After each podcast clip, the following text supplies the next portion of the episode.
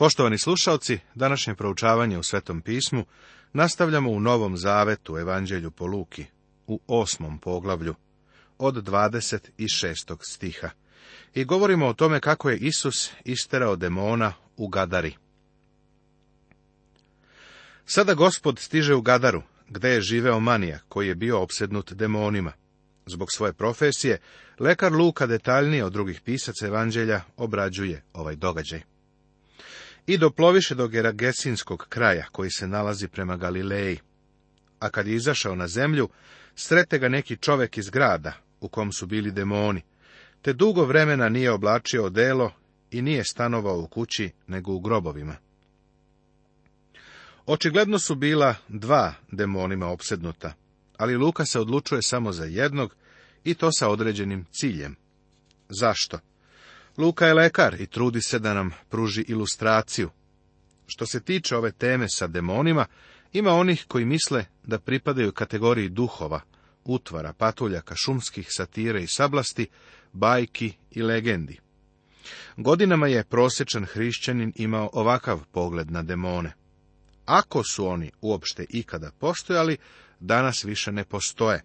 Međutim, verujem da vidimo manifestaciju i oživljavanje demonske opsednutosti u našem vremenu. Ako ne verujemo u postojanje demona, teško je objasniti šta se dešava u našem savremenom društvu. Doktor Luka opsednutost demonima tretira sa izvanrednim uvidom, razumevanjem sa stanovišta rekara, odnosno na naučni način. Matajev izveštaj o ovoj priči je prikazan kroz činjenice.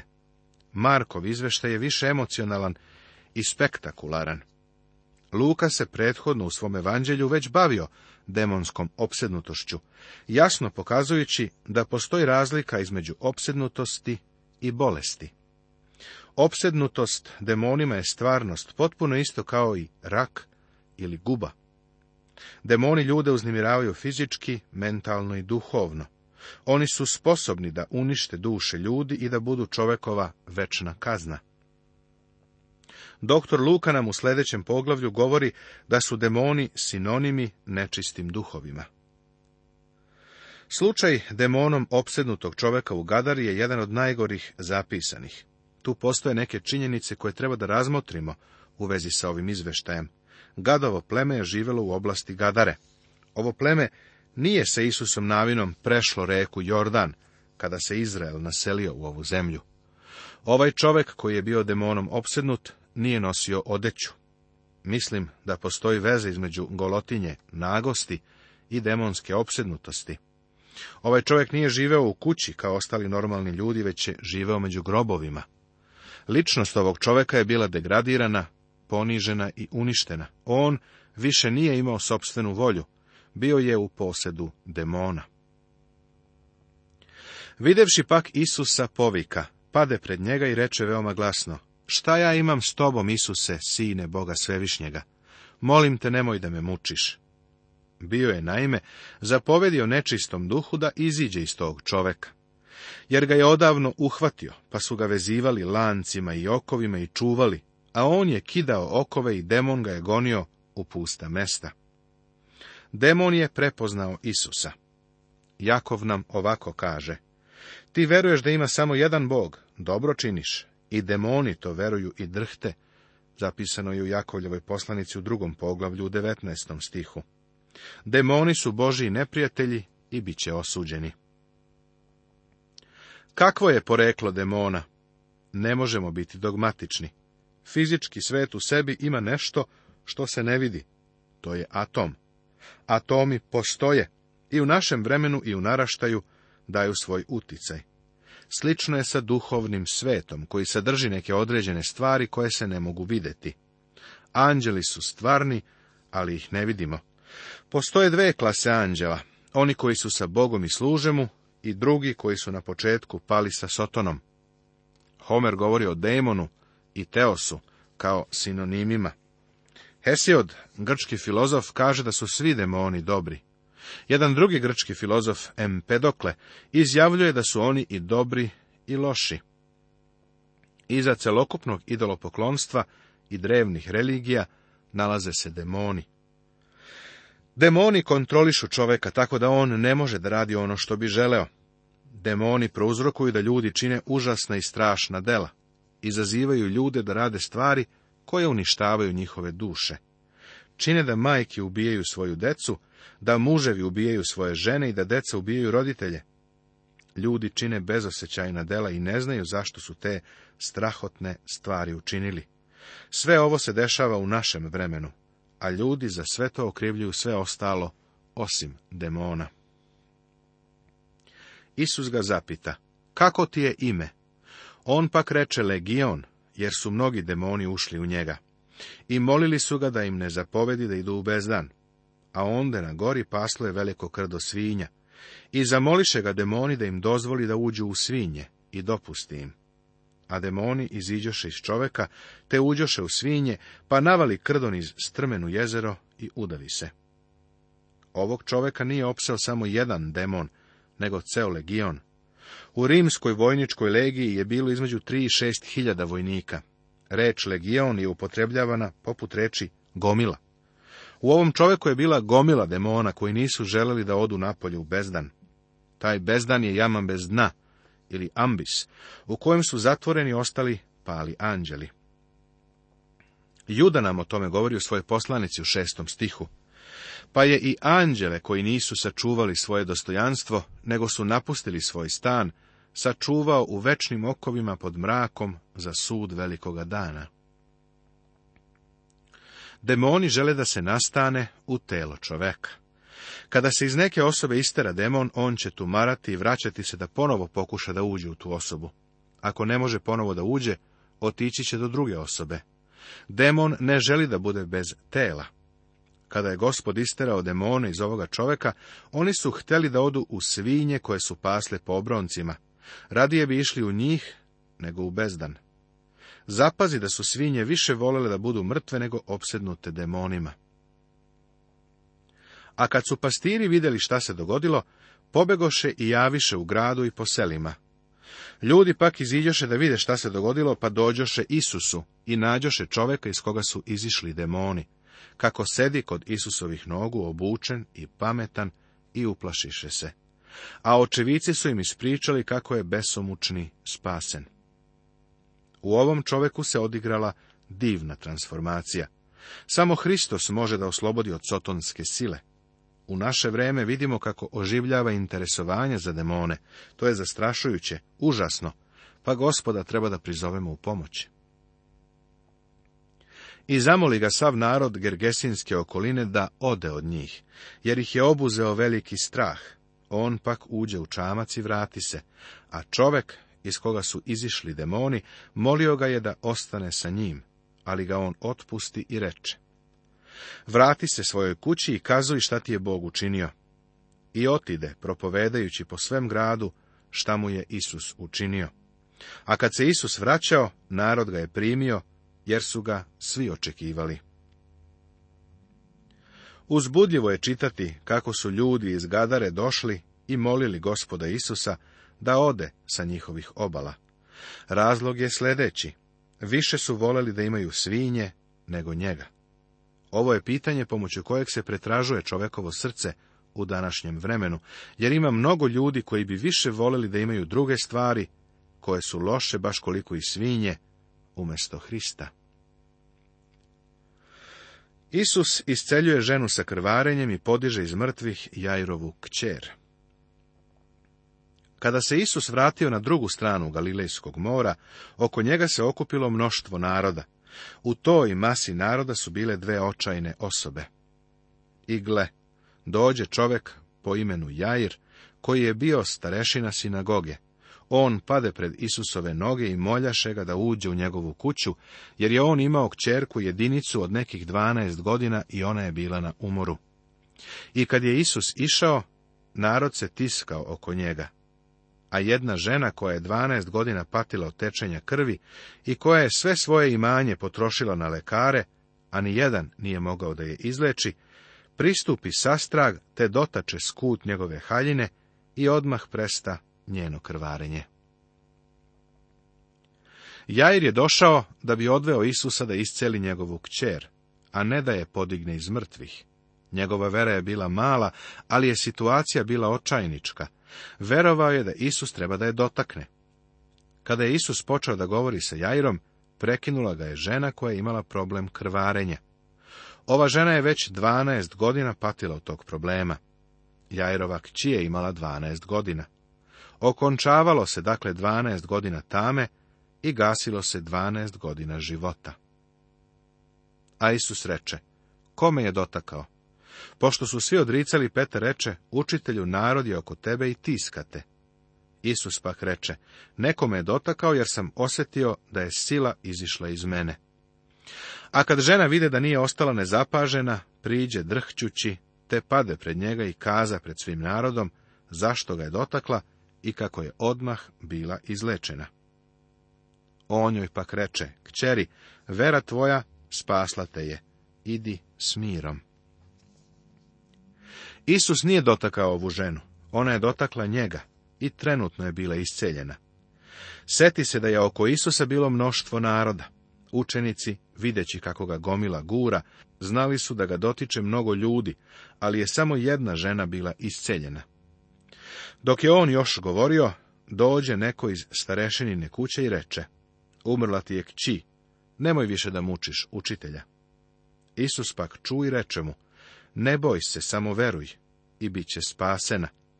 A kad je došao u kuću, nije dozvolio nikom da uđe s njim, osim Petru, Jovanu i Jakovu i devojčinom ocu i majci.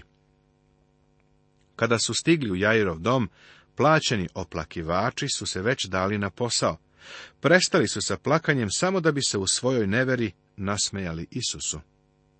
Svi su plakali i jaukali za njom. On pak reče, ne plačite, jer nije umrla, nego spava. I ismevahu ga, znajući da je umrla. Gospod Isus je poveo Petra, Jakova i Jovana i devojčicinu majku, tamo gde je devojčica ležala. Doktor Luka nam priča da je Isus na svoj fini način progovorio devojčici, devojko, ustani. Dete je ustalo. Vratio ju je na svet patnje radi njenih roditelja, a ne radi nje same. A on uhvati njenu ruku i povika, devojko, ustani. I povrati se njen duh, te odmah usta, i on zapovedi da joj dadu da jede. Njeni roditelji se zaprepastiš, a on im zapovedi da nikome ne kazuju šta se dogodilo. Prijatelju, ponovo zapazi da je metod koji Isus koristi u podizanju mrtvih uvek isti. On ih poziva i oni čuju njegov glas. Naš gospod je još jednom pokazao da je on stvarno Bog. Poglavlje deveto Ovo poglavlje započinje Isusovim ovlašćenjem i poslanstvom dvanaestorice učenika. Zatim on hrani pet hiljada ljudi isteruje demone iz jedinca sina. Nakon ovoga okreće se i upućuje ka Jerusalimu i daje proveru za učeništvo. Sve u ovom poglavlju nalazimo zabeleženo u drugim sinoptičkim evanđeljima. Naš gospod je činio čuda u svakoj životnoj oblasti, u fizičkoj, duhovnoj, prirodnoj i nadprirodnoj oblasti. Sa ovakvom podlogom on šalje svoje učenike. Isus ovlašćuje i šalje dvanaestoricu. A dvanaestoricu sazva i dade im moć i vlast nad svima demonima i da leči bolesti. Kada je naš gospod bio ovde na zemlji, svojim učenicima je dao dar isceljenje. To je bio jedan od darova znakova. Služio je kao dokaz verodostojnosti apostola. Pokazivao je da oni jesu ono što su za sebe tvrdili. Kada je crkva pokrenuta, pre nego što je Novi Zavet postojao u pisanoj formi, znak apostola je bio da posjeduju darove, znake. Petar je isceljivao i podizao mrtve. Pavle je isceljivao i podizao mrtve. Činiti to predstavljalo je dokaz da su bili pravi apostoli gospoda Isusa Hrista. Isus je svoje učenike poslao da propovedaju o carstvu Božjem i da isceljuju bolesne. Ovo se dešavalo pre nego što je on umro na krstu. Danas nije važno isceljenje. Ako pažljivo čitaš poslanice, vidjet ćeš da iako je Pavle imao dar isceljenja, pred kraj njegove službe on taj dar skoro uopšte da nije ni koristio. Rekao je Timoteju da uzima pomalo vina radi stomaka, ali ga nije iscelio.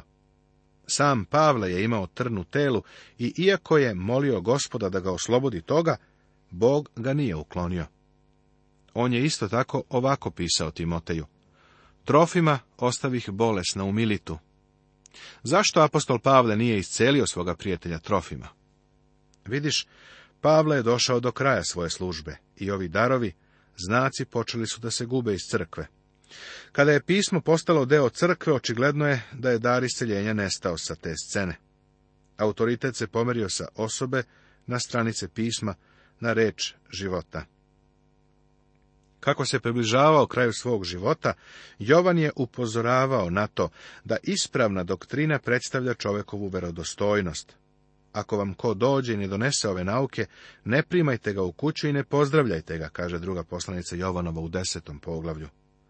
A Pavle vam je rekao, ako vam čak i mi ili anđeo sa neba propoveda evanđelje različito od onoga koje smo vam mi propovedali, neka bude proklet reč proklet u poslanici Galatima je grčka reč anatema. Ovo je vrlo težak jezik koji apsolutni autoritet stavlja na sveto pismo. I posla ih da propovedaju carstvo Božije i da leče bolesnike. I reče im, ništa ne uzimajte za put, ni štapa, ni torbe, ni hleba, ni novca, niti treba da imate dve haljine. Neki ovaj odeljak uzimaju kao osnovu za svoju današnju službu. Posmatri takvog propovednika i vidi ga da li uzima prilog. Gledaj, da li nosi sa sobom bilo šta kada ide na put. Štap, što znači kofer, hranu ili novac. Naš gospod je ova uputstva dao dvanaestorici svojih učenika, a ne nama, za uvek. Ako pak uđete u koju kuću, onda ostajte i odande izlazite. Naravno, današnji radnik je vredan svoje plate, Smatram da svaki čovek koji propoveda Božiju reč treba da bude materijalno podržavan. U Hristovo vreme situacija je bila drugačija. Učenici su morali da borave u privatnim kućama, jer tada nije bilo hotela. Sveukupno gostoprimstvo se odvijalo u privatnim domovima. I koji god vas ne prime, iziđite iz ovoga grada, otresite prašinu sa svojih nogu za svedočanstvo protiv njih. Utice njihove službe je osjetio čak i Irod. A Irod, četverovlasnik, je čuo šta se sve događa i bio je u velikoj neprilici, jer su neki govorili da je Jovan vaskrsnuo iz mrtvih, a drugi da se pojavio Ilija, treći pak da je ustao neki od starih proroka. Irod reče, Jovanu sam ja ocekao glavu, ali ko je ovaj o kome slušam takve stvari? I tražio je da ga vidi. Irod je bio odgovoran za utamničenje i pogubljenje Jovana Krstitelja. Marko nam kaže da se on plašio da je Isus u stvari Jovan Krstitelj, koji je ustao iz mrtvih. Irodova radoznalost je u njemu proizvela želju da vidi Isusa. A kad su se apostoli vratili, ispričaše mu sve šta su učinili i uze ih sa sobom, pa se povuče u samoću prema gradu zvanom Vicaida. Ali je narod to saznao i pošao za njim. I on ih primi i govoraše im o carstvu Božijem i isceljivao je one kojima je lečenje bilo potrebno. Ovo nam daje okruženje u kome je nahranjeno pet hiljada ljudi. Odveo ih je da se odmore, ali tu nije bilo prilike za to. Očigledno je da je ovo mnoštvo ljudi bilo neuviđavno, ali ih je gospod ipak milostivo primio, poučio ih je i iscelio one koji su bili bolesni. Isus hrani pet hiljada ljudi. Stavili su se u nezavidan položaj Hristovih savjetnika, govorili su mu šta da radi. Nažalost, mnogi od nas su danas krivi za ovo isto. Prijatelju, Hristu nisu potrebni naši predlozi. A dan poče naginjati. Dvanaestorica tada pristupiše i rekoše mu, otpusti narod, neka idu u okolna sela i zaseoke, da nađu svratište i hranu, jer smo ovdje u pustom kraju. On im pak reče, pa dajte im vi da jedu. Ali oni rekoše, nemamo više od pet hlebova i dve ribe, možda da mi idemo i kupimo hranu za sav ovaj narod. Oni sada postaju i financijski savjetnici, eksperti za ekonomiju. A bilo ih je oko pet hiljada ljudi i reče svojim učenicima, posadite ih u grupe od pedeset i postupiše tako te posadiše sve. Sada su njegovi učenici na pravo mestu, slušaju Hrista. On pak uze onih pet hlebova i dve ribe, pogleda na nebo, blagoslovi ih i izlomi, i davaše ih učenicima da iznesu pred narod, i jedoše svi, i nasitiše se, te podigoše dvanaest kotarica preostalog komađa. Ovo je možda prvi put kada su se mnogi u ovom mnoštvu nasitili. Preostali komadi nisu nešto što bismo bacili u đubre. Naprotiv, to su komadi hrane koji nisu posluženi. Bog uvek obezbeđuje da pretekne. Nastavit će se.